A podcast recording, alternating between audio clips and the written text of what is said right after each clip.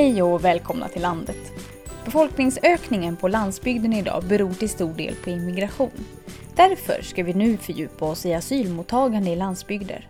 Hösten 2015 kom många människor på flykt till Sverige. En oro föddes. Klarar vi det här? Håller systemen? Då tänkte några forskare på Sveriges lantbruksuniversitet i Uppsala att ja, men vi tittar väl på det då. Klarar kommunerna det? Och hur i så fall?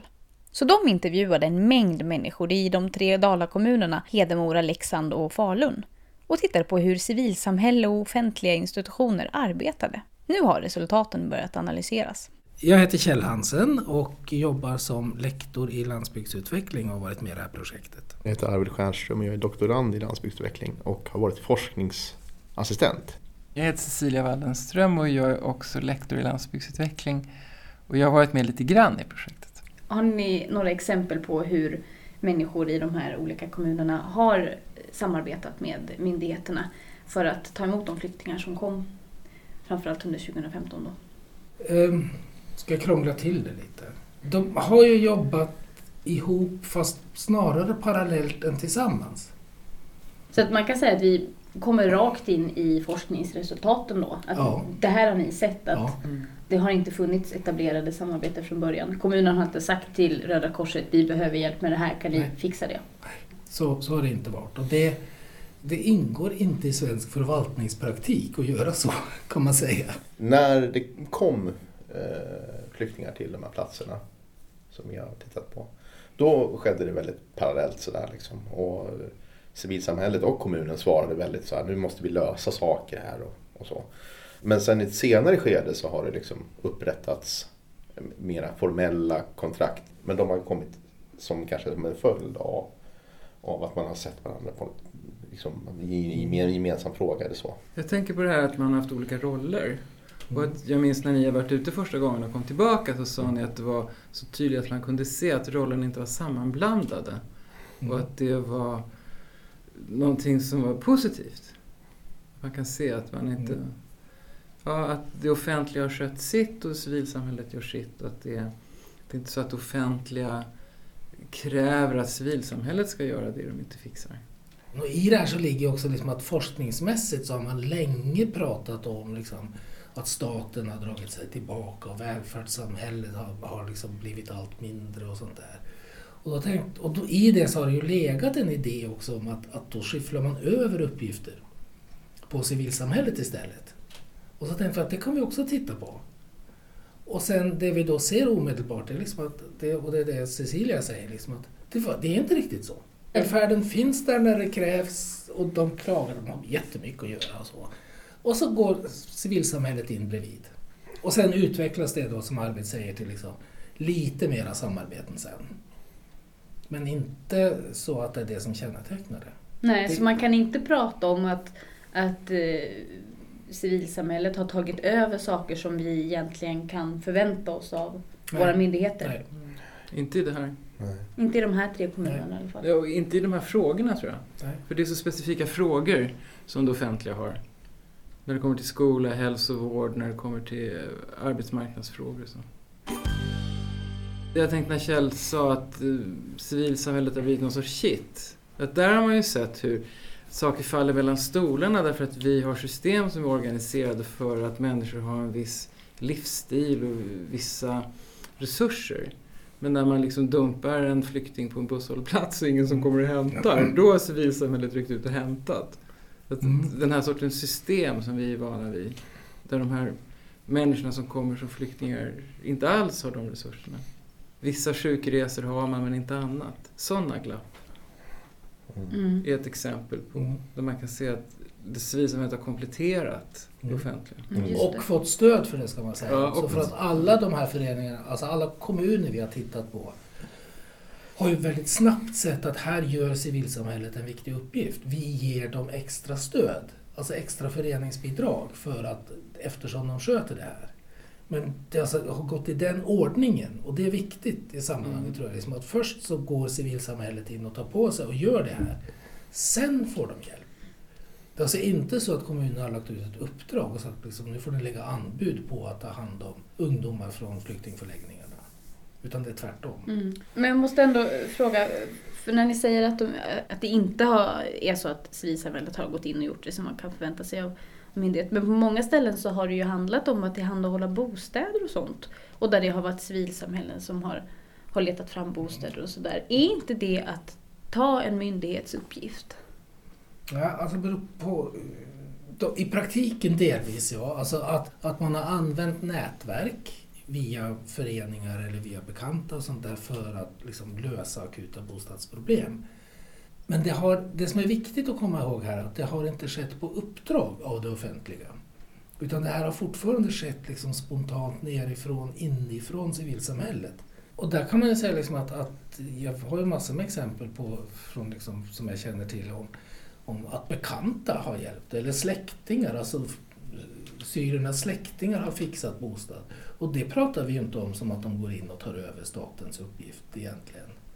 Och det är inte annorlunda med det som civilsamhället gör i de här frågorna menar jag. Liksom under hösten där när det kom väldigt mycket folk och det var väldigt stort behov av boenden och man liksom letade med ljus och lykta efter boende hela tiden. Då var det ju Migrationsverket och kommuner och länsstyrelser som, som gjorde det där, alltså själva arbetet. Och så, så fick man fram lokaler och så vidare.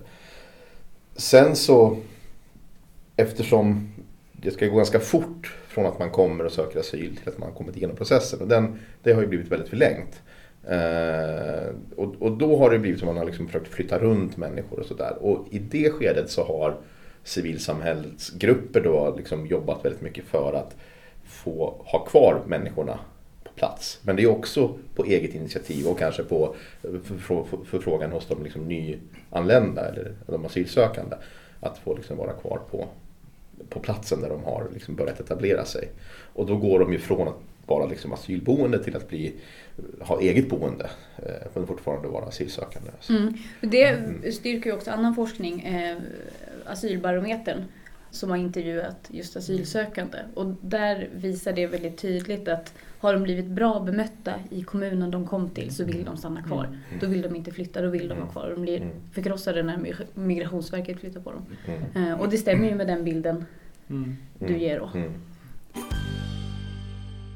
Mm. Men ni har ju tittat då på, på vilka eh, utmaningar och vilka möjligheter som finns i det här då. Eh, om vi börjar med möjligheterna, vad har ni sett? Vilken nivå ska man börja på? Jag, jag tänker på en möjlighet, alltså någonting som hänt är en vitalisering av föreningslivet. Mm. Till exempel. Man har fått en ny uppgift. Och, mm. och, men sen har ju kommunerna sett möjligheter med en ökad befolkning och yngre befolkning och välutbildad befolkning delvis. Att mm. liksom få, få de här att stanna kvar, få dem att trivas. Mm. Och det är några möjligheter som... Det i förlängningen har ju att göra med, med möjligheten att behålla service, mm. både liksom offentlig och kommersiell service. Mm. Som ju är hotad i väldigt många, inte liksom riktigt i kommuncentren på samma sätt som liksom utanför. Jag har fått exempel på liksom vissa ställen kring flyktingförläggningar där det öppnat nya affärer. Därför att det kommer liksom en ny kundgrupp.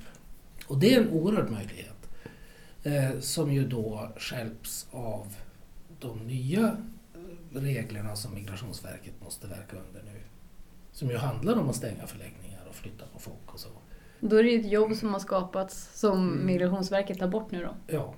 Och det där skapar nog liksom påfrestningar inte så mycket liksom med, med lokalbefolkning och civilsamhället. Delvis de blir förgrymmade och, och ledsna och så. Men väldigt mycket kan jag tro liksom på sikt man kan se mellan kommunerna och staten.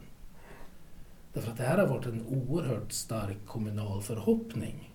Och det har liksom de här vi har pratat med på kommunerna, integrationssamordnare och sånt där, sagt liksom väldigt tydligt att, att liksom vårt mål är att göra det här så bra så att flyktingarna väljer att stanna kvar. Jag har ju hört det här från, från andra kommuner också där man har pratat om att eh, ja, men städerna har sedan 90-talet fått ta del av all invandrad arbetskraft och bara sugit åt sig den och vi har inte fått någonting. Och nu får vi chansen när vi, vi blir tvungna och då ska vi göra det här så bra som möjligt. Och de blir inte sagt urförbannade när de sen blir av med de här människorna igen. För de tycker att inte nog med att nu har vi liksom ställt upp. Nu har vi verkligen mm. hjälpt er och vi är bättre på att fixa integrationen än vad ni har varit. Och sen så får vi inte ens behålla de här fantastiska människorna. Att det finns en enorm frustration runt om i hela landet bland kommunerna. Vi har väl sett lite det som Arvid var inne på, en frustration bland föreningarna. Mm. Man har byggt relationer och hjälpt människor och, och sen plötsligt ska de flyttas. Och då är ju sånt här uppstått att man har hittat, försökt skapa boende åt dem Mm. själv. Det- Och just där kan man ju säga att där har ju föreningslivet i de fallen gått in och tagit över det offentligas uppgifter. Och säger att ja, men om ni håller på och liksom ska flytta på dem och, och sånt där, men då får vi fixa det. Och så gör man en förhandling och säger liksom att om problemet är att det här kostar Migrationsverket pengar så löser vi det. Och så har man löst det på olika sätt. Mm. Det kan ni se liksom Det, exempel vi i. har exempel på det. Mm. Mm. Mm. Vad, vad tänker ni om det då, i de fallen? Alltså dels så blir man glad att det finns den typen av liksom kraft och initiativförmåga och, och liksom man, lite beundrande så här att men tänk att de fixar det. Eh, men sen i nästa steg så liksom det skulle inte behöva vara nödvändigt. Är liksom den andra reaktionen. Alltså vi, vi, liksom, vi är stolta och glada över att leva i ett välfärdssamhälle där det här borde vara självklart att det offentliga går in och fixar det här. Det, alltså, vi har väl pratat ganska mycket om systemfel med Migrationsverket som Mm. liksom får, blir så överbelastat. Och hur man skulle hantera den här stora tillströmningen. Mm. Så att, och det är det på något sätt som är ursprunget till de här problemen. Om Mm. det gick mycket fortare, om de hade en snabbare hantering, då skulle det inte uppstå på samma sätt. Nej. Det, så det är ju Migrationsverket som blir liksom den bristande länken i det här. Mm. som har att göra med ett uppdrag kanske och liksom en situation för dem. Vi har ju pratat med människor på Migrationsverket också. De ser ju också de här problemen och, och, och frustreras av liksom, och de här liksom, ganska förändliga, liksom, ganska, på kort tid så har det varit stora um, ändringar i, i hur man ska förhålla sig till liksom, deras regelverk. Och, och det har gjort att det blir, har blivit väldigt, eh, liksom, en extra frustration för dem. Så. Alla de här vi har pratat med som liksom på golv, byråkraterna på golvet. Socialtjänsten, skolan, eh, vården och sånt där. Liksom vittnar ju om att eh, de oerhörda nya påfrestningar som kom, alltså så mycket mer jobb det blev. Eh, utan att de blev fler i personalen. Det är samma personal på vårdcentralen fast det är liksom 30 procent fler besökare. Som dessutom inte riktigt kan förklara för personalen vad som är fel. Och det, det är liksom, och samma med lärare. Sånt där. Så det är liksom den ena sidan av det. Samtidigt som de då liksom är jätteglada och nöjda och tycker att det är jätteroligt att träffa så många nya annorlunda människor och, och sånt där. Lärarna är liksom alldeles lyriska över liksom att de får till det. Men ett, annan, en annan utmaning eller hot är ju liksom den här, vad händer då när, när, när man flyttar de här människorna som har etablerat sig på i, i, i liksom en bygd och sen så helt plötsligt så nu, försvinner de liksom, och det här engagemanget som fanns. Och vad händer med relationen till myndigheten och synen till, liksom, till staten lokalt där för dem och hur uppfattas, liksom, hur, hur blir det för dem som blir flyttade? Liksom. Där finns det ju eh, liksom potentiella problem som, som, Mm. som vi inte riktigt vet vad det leder till i längden. Men, men det känns ju som en, att det liksom kan bryta ner tilliten Mm. mellan med, liksom medborgare. Och, Och att det kan göra att man inte engagerar sig lika mycket nästa Mm. gång. När man bygger relationer till folk och kontakter så har ju, det har ju en personlig innebörd. Mm. Och ska det brytas upp hela tiden? Och sen tänkte jag den här vitaliseringen vi pratar om. Liksom, Mm. den, den har vi sett, alltså, det har varit turbulent och, och, och, och stressande. Och det är lite eh, Alltså det här med att man inte haft fysiska lokaler, liksom, liksom, lokalerna har blivit för trånga för, för skoleleverna och lärarna är för få och sådär. Eh, det har egentligen inte varit ett problem med pengar, för det har funnits pengar. Eh, utan det är liksom fysiska resurser som har varit men samtidigt den här eh, eh, också att det går att lösa det här. Att det är också en vitalisering av, av den offentliga förvaltningen. Att man har liksom sett att ja, men, plötsligt så har det gått att, att ta beslut som, som tidigare skulle tagit väldigt lång tid att genomföra. Och man skulle behöva, liksom, det har man varit tvungen att göra över en natt och så har det gått. Liksom. Man har fått i ordning ett, ett, ett eh, HVB-hem på liksom en ställtid på 24 timmar så det är liksom öppet och klart och brandbesiktat och liksom helt okej och, och så flyttar in folk där. Och det har liksom inte gått tidigare. Så det är också en häftig liksom, erfarenhet av, av det här. Är det någonting som ni märker att, att människorna som jobbar i de här, både i, i föreningslivet och i, i kommunerna och sådär då, att de, att de har blivit stärkta i, i det här lite jävlar anamma så att Vi har ju systematiskt ställt frågan i intervjuerna. Om det nu kommer en ny kris, skulle ni klara av det då? Och ingen har sagt nej. Och de flesta har faktiskt sagt så här att ja, det är klart. Nu har vi ju lärt oss av den förra. Så vi kommer att göra det bättre nästa gång. Tror ni långsiktigt då, kommer det här hålla i sig? Vill, solidariteten och, och viljan att hjälpa? Hade det inte varit så att Migrationsverket åkte omkring och stängde förläggningar så skulle jag ha svarat ja, det tror jag.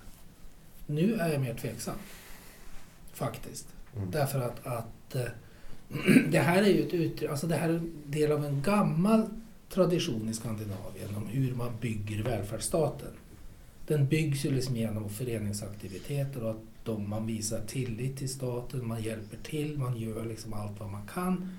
Och då har staten liksom ställt upp och gjort det den har lovat. Nu är det plötsligt en situation där staten inte gör det.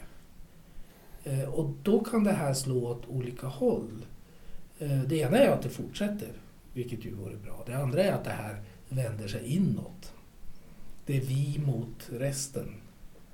Eh, Eller och då kan det bli väldigt mycket konstiga politiska konsekvenser av det där. Och den tredje möjligheten är att liksom folk lägger av. Säger att, att ja, men jag får väl se efter mig själv istället. Jag tänker att som, som avslutning, så om ni utgår från de resultaten ni kan se nu och sådär, eh, vilka slutsatser skulle ni vilja skicka med? Och till vem i så fall? Om vi kan gå en runda. Alltså, det fanns ju på 70-talet en oerhört stark kritik mot hur man behandlade psykpatienter. Man behandlade dem som anonyma och paket som man kunde göra vad man ville med.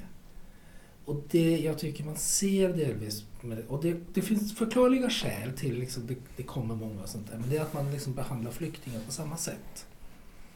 Som helt av individualiserade små paket som man skickar hit och dit och som är egentligen inte är så mycket mer än budgetposter. Det är så jag ser liksom hur staten hanterar det här. Medan man då tittar på det här från civilsamhället och kommunalt håll så finns det en oerhört tydlig strävan efter att individualisera dem och behandla dem som medmänniskor. Nu var jag hård, men eh, ungefär det skulle jag vilja skicka med. Alltså att staten ska lära sig av kommunerna och civilsamhället. Mm. det det skulle kunna generera är någon slags långsiktighet i det här. Att det går att planera. Alltså, just nu så är det ja, med, tillfälliga uppehållstillstånd och, och den här liksom oklara flyttningen över människor och etableringsuppdraget liksom, som vi inte riktigt vet hur det, hur det kommer gå. Eh, och sådär. Att, att, att det är ja, som en konsekvens av det här, det här liksom systemet. Det, och, liksom tillåt mer långsiktighet och eh, ta bort de tillfälliga uppehållstillstånden. Jag vet inte om det är... Så det är väl också till staten. Mm.